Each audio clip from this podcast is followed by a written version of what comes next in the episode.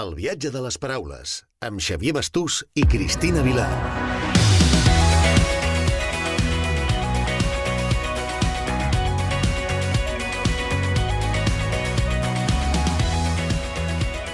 Benvinguts i benvingudes al viatge de les paraules, al programa de llibres i viatges de Ràdio Capital. Som en Xavier i la Cristina de la viatgeria. La passió pels viatges i la lectura ens va portar a obrir una llibreria i agència de viatges a Calonja, que forma part del primer poble de llibres de Catalunya. Amb el, viatge, amb el viatge de les paraules volem crear un mapa de destins i lectures que us serveixin d'inspiració per escollir el vostre proper llibre o viatge. Recorrerem mons reals i de ficció a través de les novetats literàries i dels llibres de fons que s'amaguen als prestatges de les llibreries. I durant aquest recorregut també farem parades per explorar països i racons del món descobrint els paisatges, la cultura i les seves tradicions. Ens acompanyeu?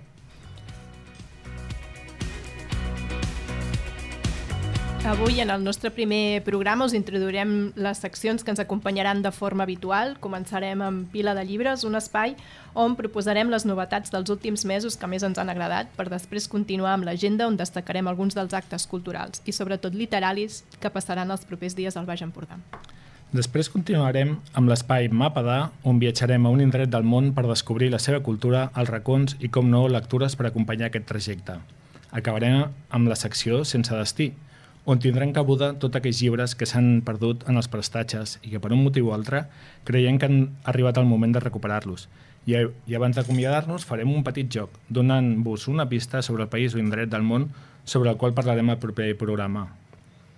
I com que aquest cop no tenim capítol anterior, us volem, no us volem deixar sense pista, així que abans de la secció de pila de llibres us donarem una de ben fàcil. Avui parlarem d'un país que es considera un dels més feliços del món i està situat a Europa. Però abans anirem a la pila de llibres.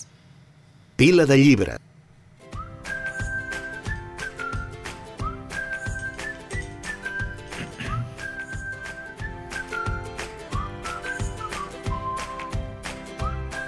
Um, Xavi, abans de començar el programa m'has com comentat que ha sigut difícil escollir els llibres per a aquesta secció, ja que estem en una temporada de l'any que s'acumulen les novetats. Explica'ns quins títols has escollit. Doncs sí, Cristina. Abans ho comentàvem que no tenia clar quins llibres escollir, perquè segurament la tardor són un dels moments de l'any on més llibres surten, on més novetats totes les editorials treuen. I m'ha costat molt. Però començarem amb un que jo crec que és un llibre que fa temps que va sortir però que s'ha publicat fa poc en català i seria el llibre Minego de l'autor noruec Per Peterson, traduït al català per Carolina Moreno i editat per Club Editor. Per Peterson és un dels escriptors que agrada més fora del seu país que a casa seva. Aquest llibre explica com es retroben eh, dos amics de la infantesa de forma casual i com s'estableix una conversa on tenen més importància els silencis i tot allò que no es diuen que les paraules que s'intercanvien. Aquesta trobada farà que a poc a poc l'autor ens vagi recuperant a la infantesa d'aquests tres personatges, d'aquests dos que es troben en el, al principi de la història i una noia, una dona que apareixerà més tard. El lector podrà anar-se sentint identificat veient com tot allò que els hi passa a ells són coses que de la infantesa que els marcarà durant tota la, la resta de la seva vida. L'autor aquest, sobretot, el que treballa és el paisatge, com si fos un personatge més. Eh, ella treballa molt les olors, els aromes del bosc, el, el vent que, se, que notes al mar, i això acompanya tota la lectura i és una cosa que és molt fascinant. Perfecte, i cap on anem? Cap a la, a la segona recomanació. Doncs a la segona recomanació passem cap als Estats Units, més concretament cap a Atlanta, al cor de l'Amèrica. Aquest segon llibre és Les calces al sol, de Regina Rodríguez Servent i editat per La Campana, que és un dels que hem portat avui, uh -huh. per acompanyar una miqueta. I jo crec que podria, bueno, jo diria que és un dels llibres sorpresa de la temporada. La primera edició es va acabar en qüestió de dies, va ser una cosa que va anar rapidíssima. El que tinc a les mans és la segona edició i ja està amb impressió la, la tercera. És una, un llibre que està basat en, en una història de, de la pròpia autora. És, anem a dir que són de, uh, autobiogràfics. Eh, en un moment de la seva vida ja no sabia què fer, pren la decisió d'anar-se a estudiar als Estats Units a aprendre anglès i per una sèrie de casualitats acaba de fent d'au pair de tres criatures amb una família que és tot el contrari d'una família tipus americana. Són els Bugland. Els Bugland és una família culta, intel·lectual, parlen de filòsofs a l'hora d'esmorzar. Llavors, ni els Bugland ni la Rita es troben al davant la persona que esperaven i, i en comencen a passar tota una associació d'històries que rius. L'únic que pots fer és, és estar rient i, i és molt, molt divertit. Per això una idea a nivell de situacions, l'autora reconeixia en una entrevista que li havien fet fa poc que havia tingut de treure parts de la, del que li havia passat realment perquè no s'ho creuria la gent, creuria que s'està inventant. Llavors, per una banda ens, ens interessa saber què és tot allò que no ens ha posat, que seria més divertit, i per l'altra la, banda encara li donen més valor que tot el que li passa a la, a la protagonista, a la Rita, eh, realment després ha, ha sigut real. Eh, perquè us feu una idea també de, de la línia que porta aquest llibre, els noms dels capítols tenen títols com Les fabuloses tortugues ninja, En Mike ha decidit tallar-se el penis... bueno, és una línia que ah, podem prometre que és divertit. A més a més, de que no és només una, una novel·la superficial, trobarem que hi ha una reflexió, hi ha un creixement del personatge, la Rita va evolucionant, té una relació molt especial amb l'àvia de la família, es, es van creant uns vincles i, com us deia al principi, crec que és un llibre que serà important durant aquesta temporada.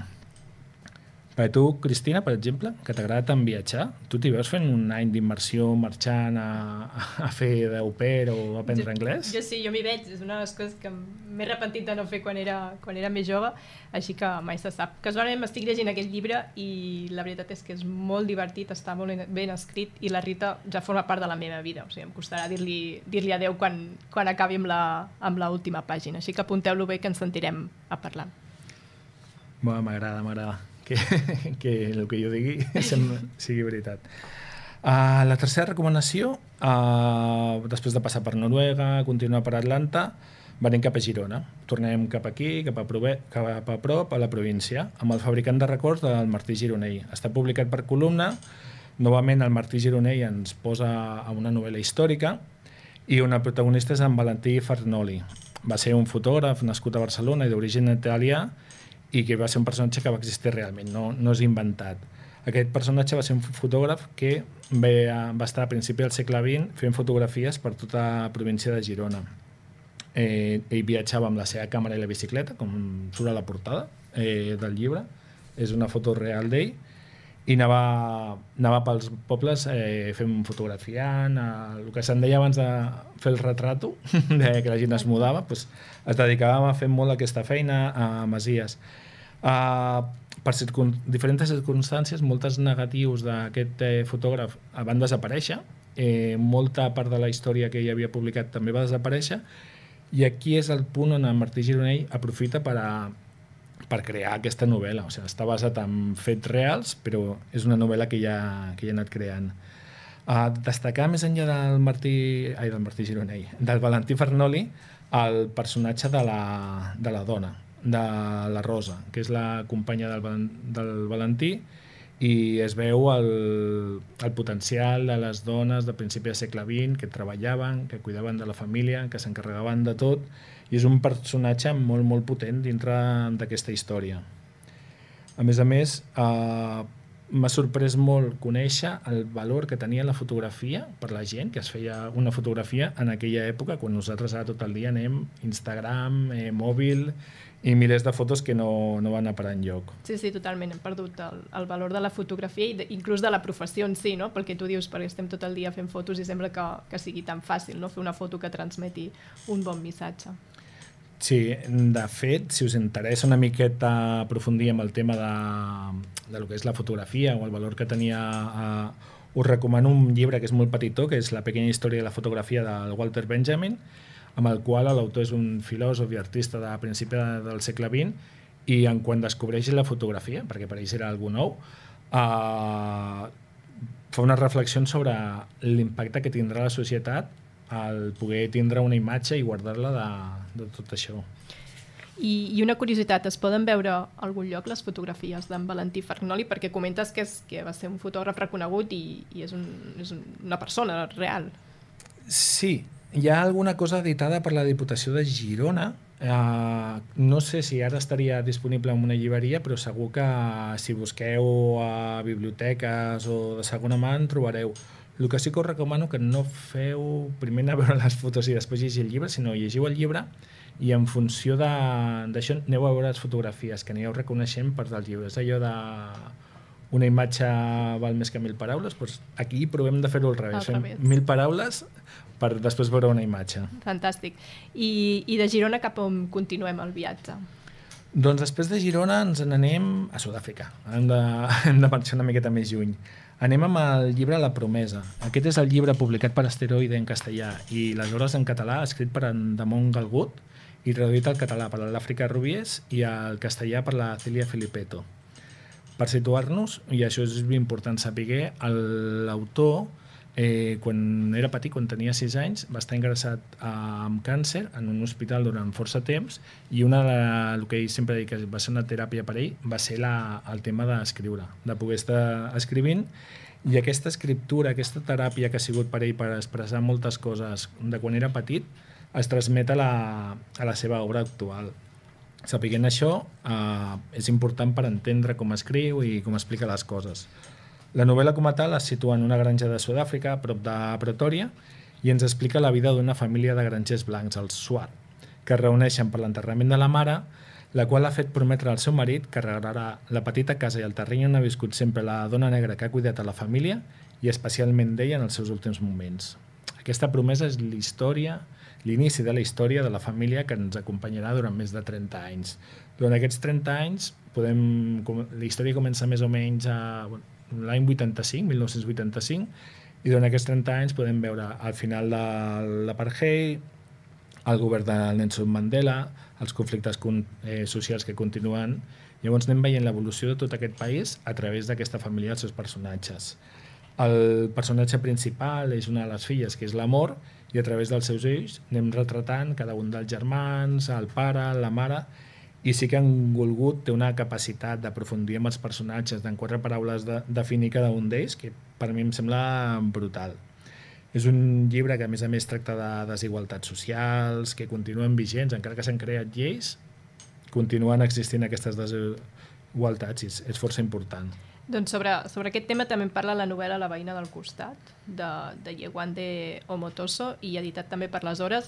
Jo me la vaig llegir a l'estiu, són dos dos grans que són veïnes, una és blanca i l'altra és negra, en, i viuen en un barri de Cape Town, i encara que d'alguna manera comparteixen les dificultats de ser dona en una societat molt complicada, no acaben de ser amigues del tot, ni enemigues, és com que es, es busquen però no s'acaben de trobar. Però arriba un moment que passa alguna a la història que les força a unir-se. No? I, I, bueno, a més a més de tot al voltant no, tenim els, els problemes no? que, que envolten la societat a Sud-àfrica. O sigui, aquestes novel·les també són una manera diferent d'aprendre o inclús no? de, de saber la història de Sud-àfrica sense anar als assajos o, o, o llibres molt més històrics. Totalment, la idea és això, viatjar i conèixer coses a través de tant autors que estan afincats o que han nascut a, en el país, que t'expliquen les seves pròpies vivències, i no tindrà d'anar a, una, a un assaig que parlarà de política. Tot i que després de parlar de novel·les, ara anirem a parlar d'un assaig. En aquest cas eh, parlarem d'un llibre que és El regal de la lectura, que l'ha publicat Ara Llibres i l'ha escrit en Sebastià Serrano. Eh, Sebastià Serrano és un conegut lingüista i professor de comunicació i ens explica d'una forma novel·lada el primer cas documentat de la França al segle XIX de la ceguesa de la lectura. La ceguesa de la lectura és, en aquest cas va ser en Claude, un, home francès culte, va tindre un, un ictus va patir un ictus i a partir d'aquí era, li va quedar la, que no podia llegir. No, no hi havia forma de que ell no, no entenia les paraules i no, hi havia, no, podia, no podia llegir. A partir d'aquest cas real, eh, l'autor es va, va aprofitar per anar desgranant les innumerables beneficis que té la lectura, des de la millora de la capacitat cognitiva per endarrerir envelliment, a prevenció d'algunes malalties, Eh, per mi aquest llibre és una defensa del poder de la lectura, que és eh, una forma com ho explica l'autor, és molt amena, és, és molt, entra molt bé, t'ho acompanya d'aquesta història i, i a poc a poc et va, et va desgranant totes les avantatges i d'alguna manera reflexiona sobre tota aquesta temàtica. També amb aquesta línia, i si m'ho permets, puc, puc fer un petit més, uh, també uh, comentaria la, la màgia de llegir en veu alta. El miracle de la lectura compartida en l'era de la distracció, editat per Viena i de l'autora Megan Cox Gordon. Aquest seria una miqueta més per un públic infantil, juvenil, que fan les primeres lectures. Aquesta autora el que va fer és una periodista especialitzada en literatura infantil i ella dedicava una hora cada dia a, llegir en veu alta en els seus cinc fills.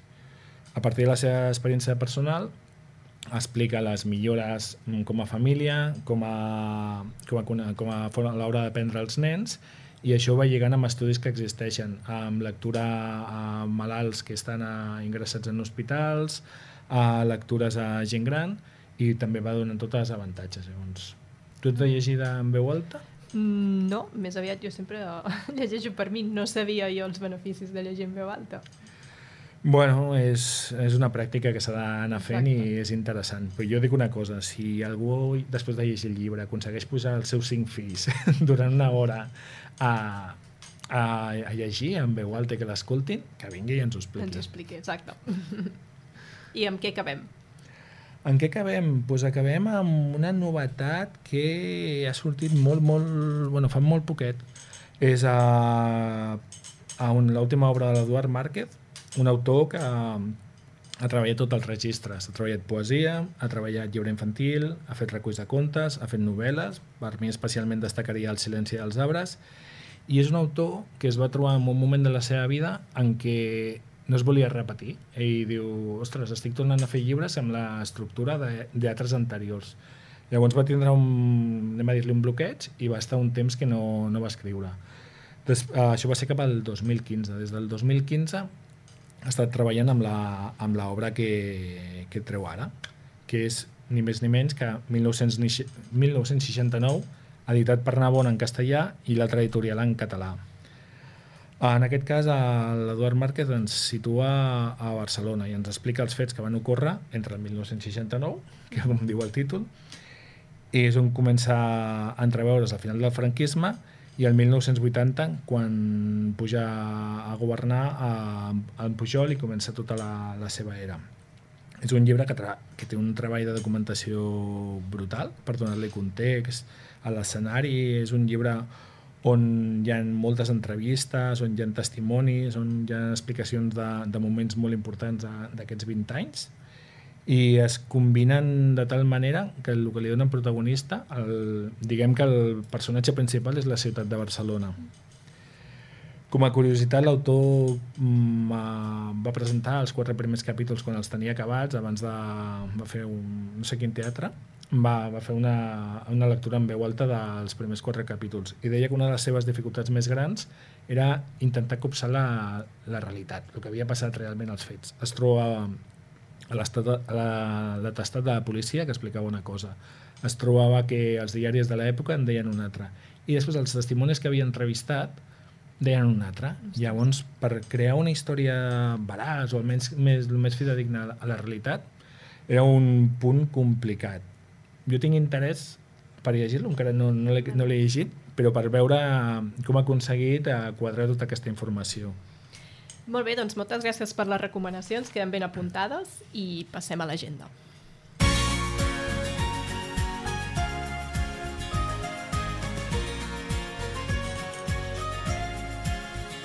L'agenda.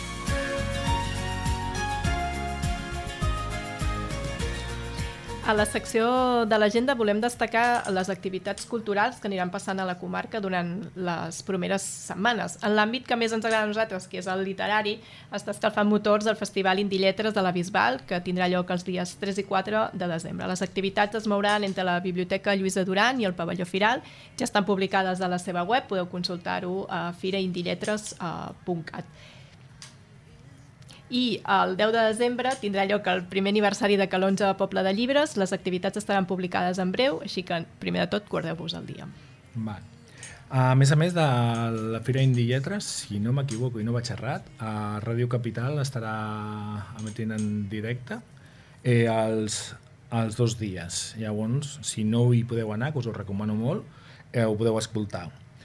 Uh, en, ja hem, ens hem avançat al desembre, ara parlaríem de lo que teníem al novembre. Al novembre volem destacar les activitats de Som Cultura, que tenen com a objectiu visibilitzar l'oferta cultural dins les comarques gironines. Trobareu totes les activitats que fan a la seva web i sobretot es concentren al cap de setmana i hi ha moltes d'àmbit familiar.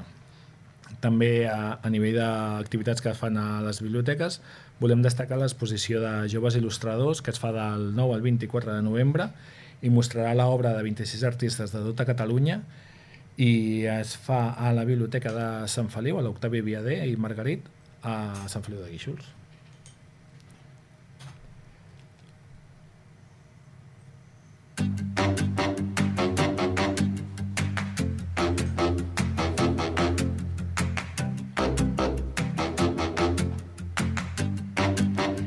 I ara continuem amb la secció Mapa de per viatjar amb la Cristina a diferents indrets del món. A l'inici del programa us donàvem una pista del lloc d'on avui parlàvem, que és un dels indrets més feliços del món. Com suposo que ja alguns haureu imaginat, estem parlant de Dinamarca.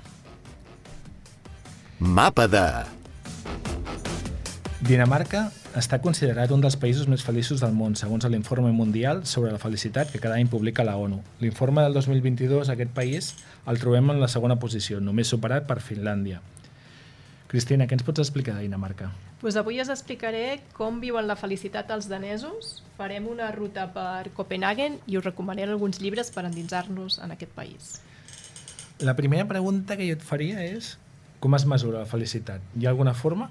doncs bona pregunta. L'ONU ja porta 10 anys fent aquest informe i es va començar a fer gràcies a, a un país que també es considera un dels més feliços del món, que és Bhutan, que algun dia d'aquests eh, parlarem perquè és, és un país molt interessant per elaborar aquest informe es fan servir sis variables. Tenen en compte els ingressos, la llibertat, la confiança en el govern, l'esperança de vida saludable, el recolzament social i la generositat. D'alguna manera, aquest informe el que pretén és desterrar el producte interior brut com un indicador de desenvolupament d'un país i tenir més en compte la salut i el benestar. Per fer-nos una idea, Espanya està a la posició 29, per sobre trobem Romania i Singapur i en última posició l'Afganistan. Si voleu donar-hi un cop d'ull, podeu buscar el Reporte Mundial de la Felicitat i veure com es distribueixen tots els països en aquest, en aquest índex. Jo no voldria començar posant en dubte, però em sobta que estigui a la segona posició Dinamarca, ja que és per clima, per um, hores de llum, és no sé, no, no tinc clar que sigui... Sí, no? Semblaria com si haguessin d'estar més tristos. Sí. Pues, sembla que, la, que aquesta felicitat està relacionada amb el seu nivell de benestar social gràcies als, als beneficis que, que porta el govern, a la igualtat entre les persones i, i la confiança social que tenen entre, entre, entre ells. I aquí podem fer un apunt per diferenciar felicitat i benestar. Sembla que aquest últim està més relacionat amb el moment present, és a dir, en sentir-nos bé ara mateix. La felicitat és aquell objectiu al qual sembla que no arribem mai. Així que els danesos tenen una paraula per definir aquest benestar en el moment present, i és i espero mm, poder-ho pronunciar correctament, és el Hyuga. I s'escriu H-Y-G-G-E. Vale, jo no, jo no, no, el, no el repetiré. La paraula aquesta, Hyuga? Hyuga. Vale.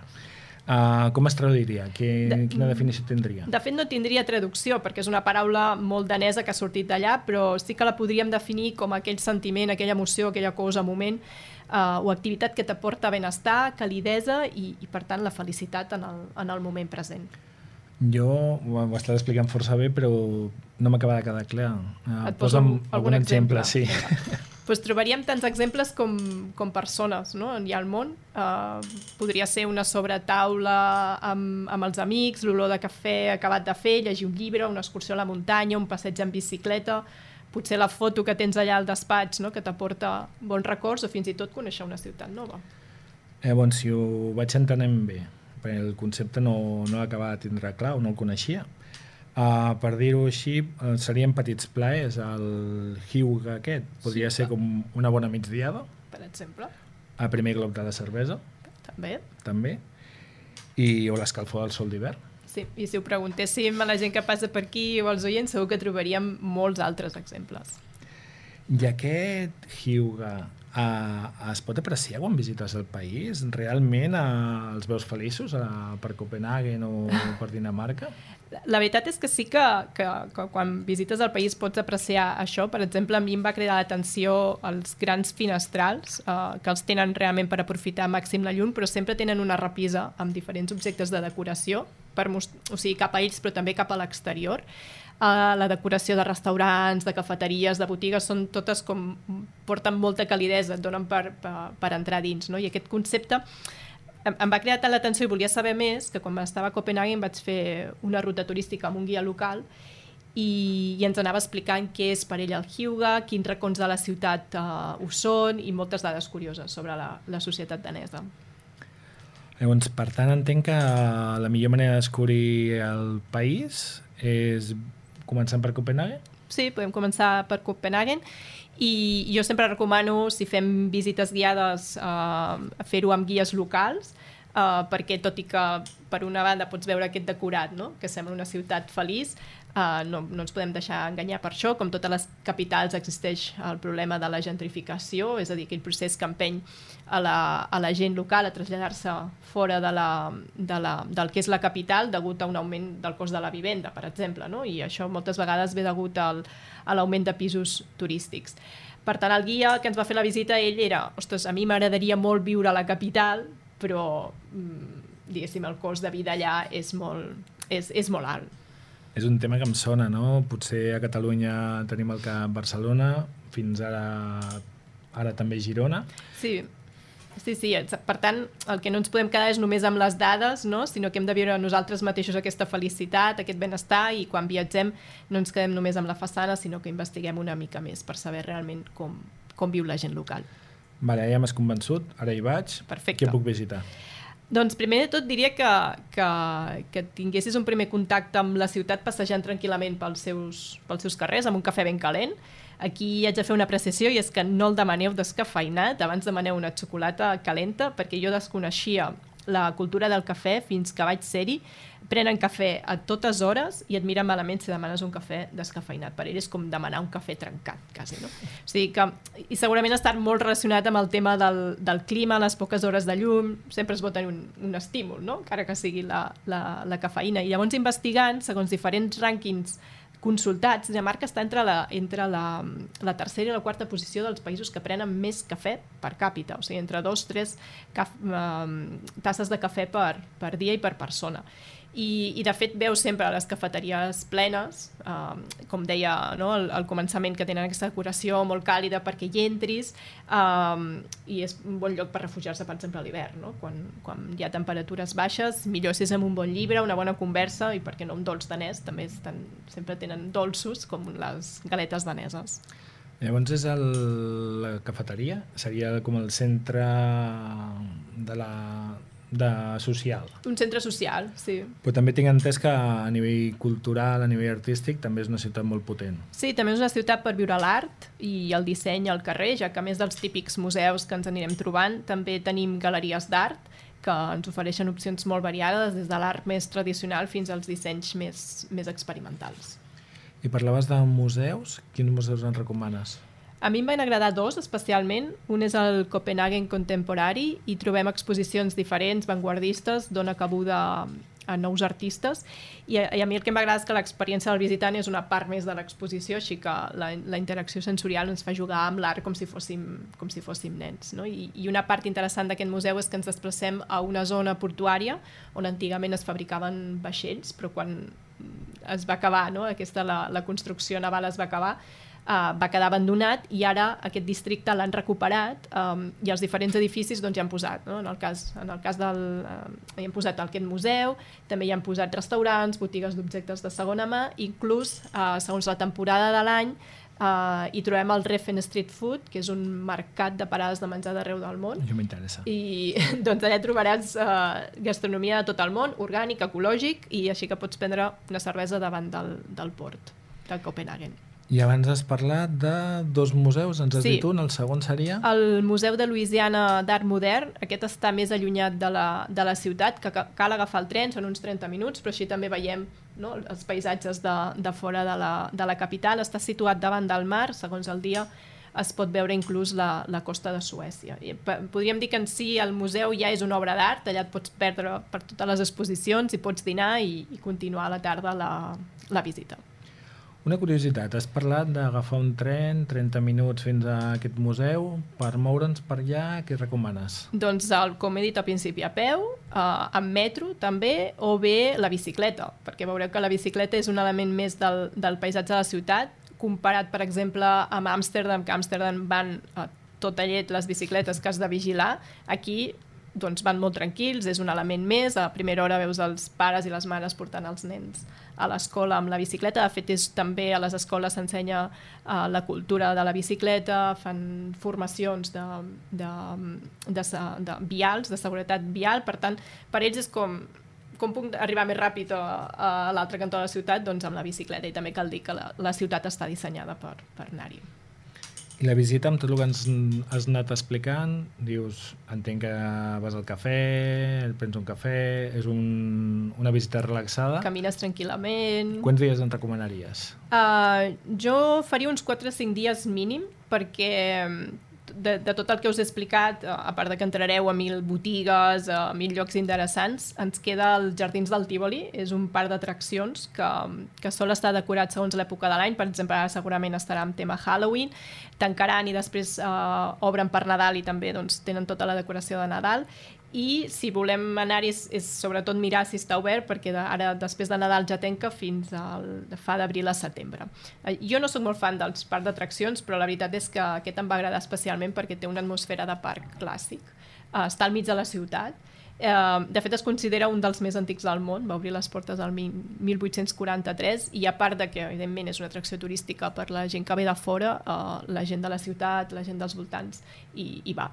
I ara hem estat veient art, eh, cafeteries, eh, coses molt maques, però una miqueta més de canya? Uh, doncs dintre de la mateixa ciutat de Copenhagen tenim una, una podríem dir una ciutat lliure, no? que és Cristiania, és un lloc peculiar que tenen les seves pròpies lleis. El que va començar sent una reivindicació social d'alguns veïns que volien disposar d'una zona per jugar als nens s'ha convertit en una mena de comuna, amb influències anarquistes que lluiten doncs, coses com la reducció de la contaminació però també la legalització de la marihuana. Així que, bueno, és una barreja estranya. Jo us encomano anar-hi amb la ment oberta i sobretot vigileu fer fotos perquè està prohibit. Sí, no? Està... Està, sí, sí. Bueno, jo ara m'ho porto cap al meu terreny. Vale. Amb literatura, doncs a tots ens pot vindre al cap un Hans Christian Andersen, els seus contes plens de màgia que treuen tant nens com adults. Què ens pots explicar? Doncs, uh, de fet, uh, l'autor es va inspirar en diferents punts de la ciutat de Copenhagen per, per escriure alguns dels seus contes. A més, nosaltres que ens agrada aquesta part de la literatura no? uh, i ens agrada fer rutes literàries, allà en podem fer, podem passar per, per conèixer tots els llocs on, on l'autor es movia, on, on, on estava, on vivia i inclús des de la capital hi ha una ruta fins a Odense que és on, on va néixer. La, podem trobar l'estàtua de la Sireneta, que és un dels seus contes, i eh, també hi ha un parell d'estàtues d'ell a la plaça de l'Ajuntament i al parc de Kogenshave, i a més a més podem visitar la seva tomba.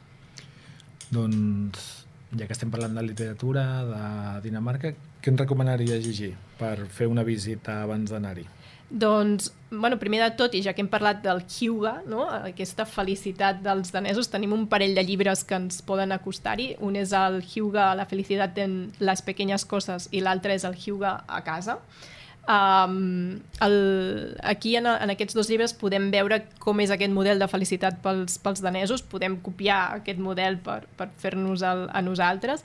Un uh, també ens dona pistes de com fer una ruta Hyuga a la ciutat de, de, de Copenhagen i inclús crear un kit d'emergència, no? pels dies, moments fluixos, recopilar totes aquelles coses que a nosaltres ens donen felicitat i poder-hi accedir aquell dia que no tenim energia i que no, no? Que no Això m'ho apunto. Que estem tristos. I ara que ve Nadal, a la gent li agrada decorar les cases no? amb, amb diferents elements, doncs preneu nota de la gent de Dinamarca perquè ho saben fer molt bé.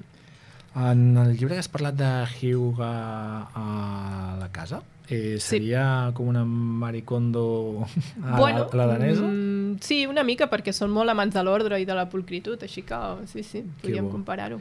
I què més ens ofereixes? Doncs seguim amb una novel·la clàssica de la literatura danesa escrita per Hans Kirk el 1928. És, es tracta de la novel·la, es tracta dels pes, Los Pescadores, que també hem portat. Um, és una novel·la molt clàssica i a més la, com a punt és obligatòria a les escoles de Dinamarca. Um, està publicat per Nordica Libros en, en castellà i el que fa Kirk és novel·lar una història real que va passar als anys 20 Uh, quan un grup de pescadors que tenen, tenien una, per la zona on vivien doncs, tenien una forta convicció cristiana es traslladen a viure a la ciutat de Jol. I allà els habitants d'aquesta ciutat doncs, són creients però no ho apliquen en el seu dia a dia, no? d'alguna manera. I aquestes dues uh, maneres d'entendre la fe i la vida doncs, uh, el que fan és que xoquen. No? Imagina't aquestes dues actituds. Acaben, acaben xocant i acaben generant un conflicte entre les dues uh, comunitats. D'aquest llibre en destaquem el, el realisme social, ja que l'autor aconsegueix transmetre el conflicte que es va viure a través de la construcció dels personatges de, de, de cada bàndol, a més com comentaves tu al principi, no? que el, el llibre d'en Per Peterson, que com el paisatge és un personatge més i, i ens envolta aquí, eh, l'autor doncs, també aconsegueix fer el mateix. No? Tenim un altre exemple de novel·la nòrdica que ens aconsegueix envoltar amb aquest paisatge, no? sembla que estiguem en els fiords, eh, eh, els fiords d'allà de, de Dinamarca. Bé, en aquest llibre es parla molt de religió, hi ha aquesta part, no?, de, Sí. que per ells és important. Sí, exacte. Així entenem una mica més com, com, com viuen la religió a, a Dinamarca. I una altra proposta és uh, La memòria de l'amor, publicat per Errata Naturae. Aquí, um, aquí coneixem la, la ciutat de Copenhagen més alternativa del segle XX, amb, amb l'autora Kirsten Dorop.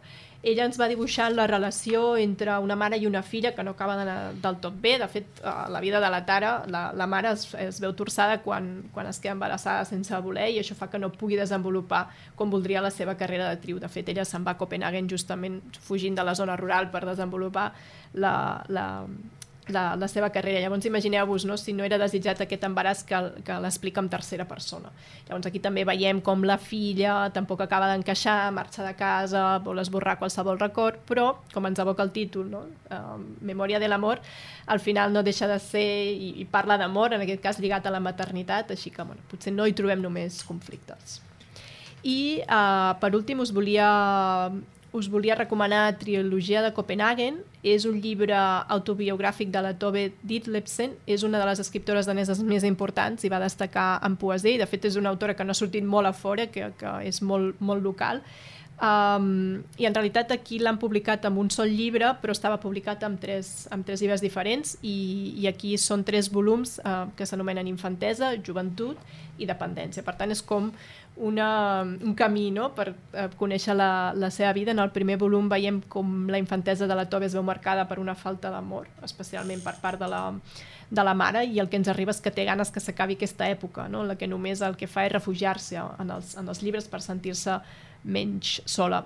La joventut està marcada, en canvi, per les ganes que té que el món vegi els seus poemes, es centra en les seves passions, o podríem dir que és l'única, que és la creació literària, i el tercer volum ja ens aboca cap on va la seva vida, no? aquesta dependència. Doncs marcada dependència emocional, molts matrimonis frustrats i, evidentment, eh, dependència a les drogues. Però, bueno, és una, eh, aquesta trilogia el que ens ajuda és a conèixer una autora que és aquí molt desconeguda i, i, a, i a investigar una mica més d'ella, no? eh, sobre els seus poemes.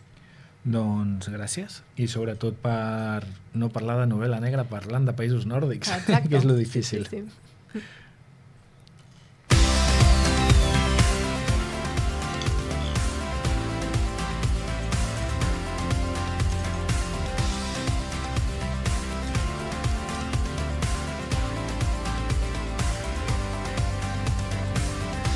Sense destí. Doncs bé, passem a l'espai pels llibres que, que ja han, han anat a les platgeries de fons de les llibreries i que per algun motiu els volem recuperar. Ara ja sigui per temes d'actualitat, perquè ha sortit un nou llibre de l'autor o per alguna raó casualitat que, que us mostrarem. Doncs sí, ho has dit prou bé. Avui estrenarem la secció de la, amb la trena de la Letitia Colombani, que es va publicar el 2017 i es va editar per Salamandra tant en català com en castellà el 2018. És un llibre que des de que va sortir sempre ha estat a les llistes dels més venuts, ha tingut un èxit molt continuat i si no m'equivoco crec que en castellà va per la dotzena edició. Aleshores és, és un llibre que segurament molts dels que ens estan escoltant ja l'hauran llegit. No cal que expliqui gaire més, de fer un resum ràpid, que és una novel·la que narra la, la vida de tres dones, una canadenca, una italiana i una índia, amb classes socials i situacions socials molt diferents, però que veurem conforme va avançant la novel·la que es van trenant Com diu el títol. com diu el títol, correcte, es van entrenant les, les tres històries fins a trobar un lligam. Jo trobaria el lligam en totes tres en què estan lluitant per millorar la seva situació, o cada una per un tema diferent, però que és, és una novel·la que defensa i empodera a, a les dones. I, I per quin motiu has triat aquesta novel·la per aquesta secció d'avui? Doncs moltes vegades hem sentit parlar d'adaptacions d'una pel·lícula, d'un llibre a una pel·lícula. Ma, quan s'adapta un llibre a una pel·lícula, eh, sempre hi ha la crítica posterior de no ens ha agradat, no explica tot el llibre, eh, no, és el, no és el mateix. Llavors aquí sempre es, es genera un petit drama quan jo crec que són dos estils diferents, amb dos eines diferents per explicar una història. I aleshores no són comparables, sinó són mm, complementaris d'alguna manera. I en aquest cas jo et preguntaria, dius, mm, hi ha adaptacions al teatre de llibres? Et sona alguna? Ara mateix no me'n ve cap al cap. Molt bé, doncs te'n diré una, la trena.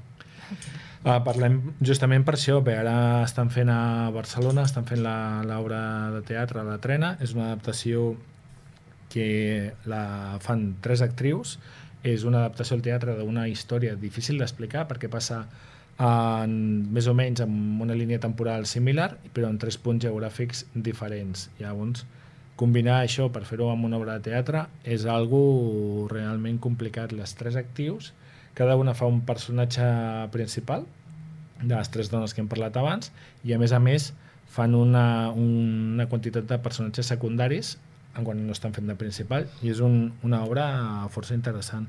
Mm, Jo crec que els agradarà més a la gent que ja han llegit el llibre abans, Mm. perquè l'obra de teatre sí que hi ha algun punt que no acaba de, de lligar.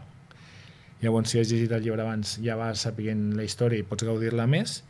I després també tenim per la gent que no ha llegit el llibre, no anirà a veure l'obra de teatre, hi ha solució, no us preocupeu. Eh, la Letitia Colombani és, a part d'escriptora, actriu, guionista i directora de cinema i ara mateix està fent la pel·lícula de La Trena que s'estrenarà, no hi ha data però en breu, si no és final del 2022 serà a principi del 2023 Sí que tenim opcions.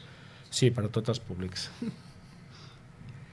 i ara abans d'acabar necessitem la pista no? de la setmana que ve Doncs sí, uh, us puc dir que és una zona situada entre dos països i que se li atribueix ser la, la fi del món.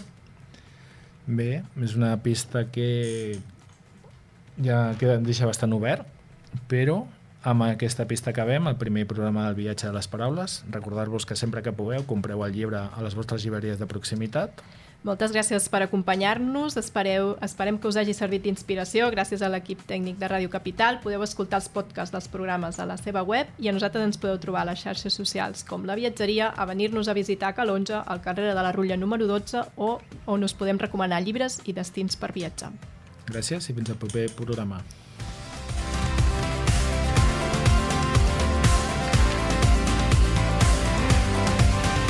Viatja amb nosaltres sempre que vulguis a radiocapital.cat.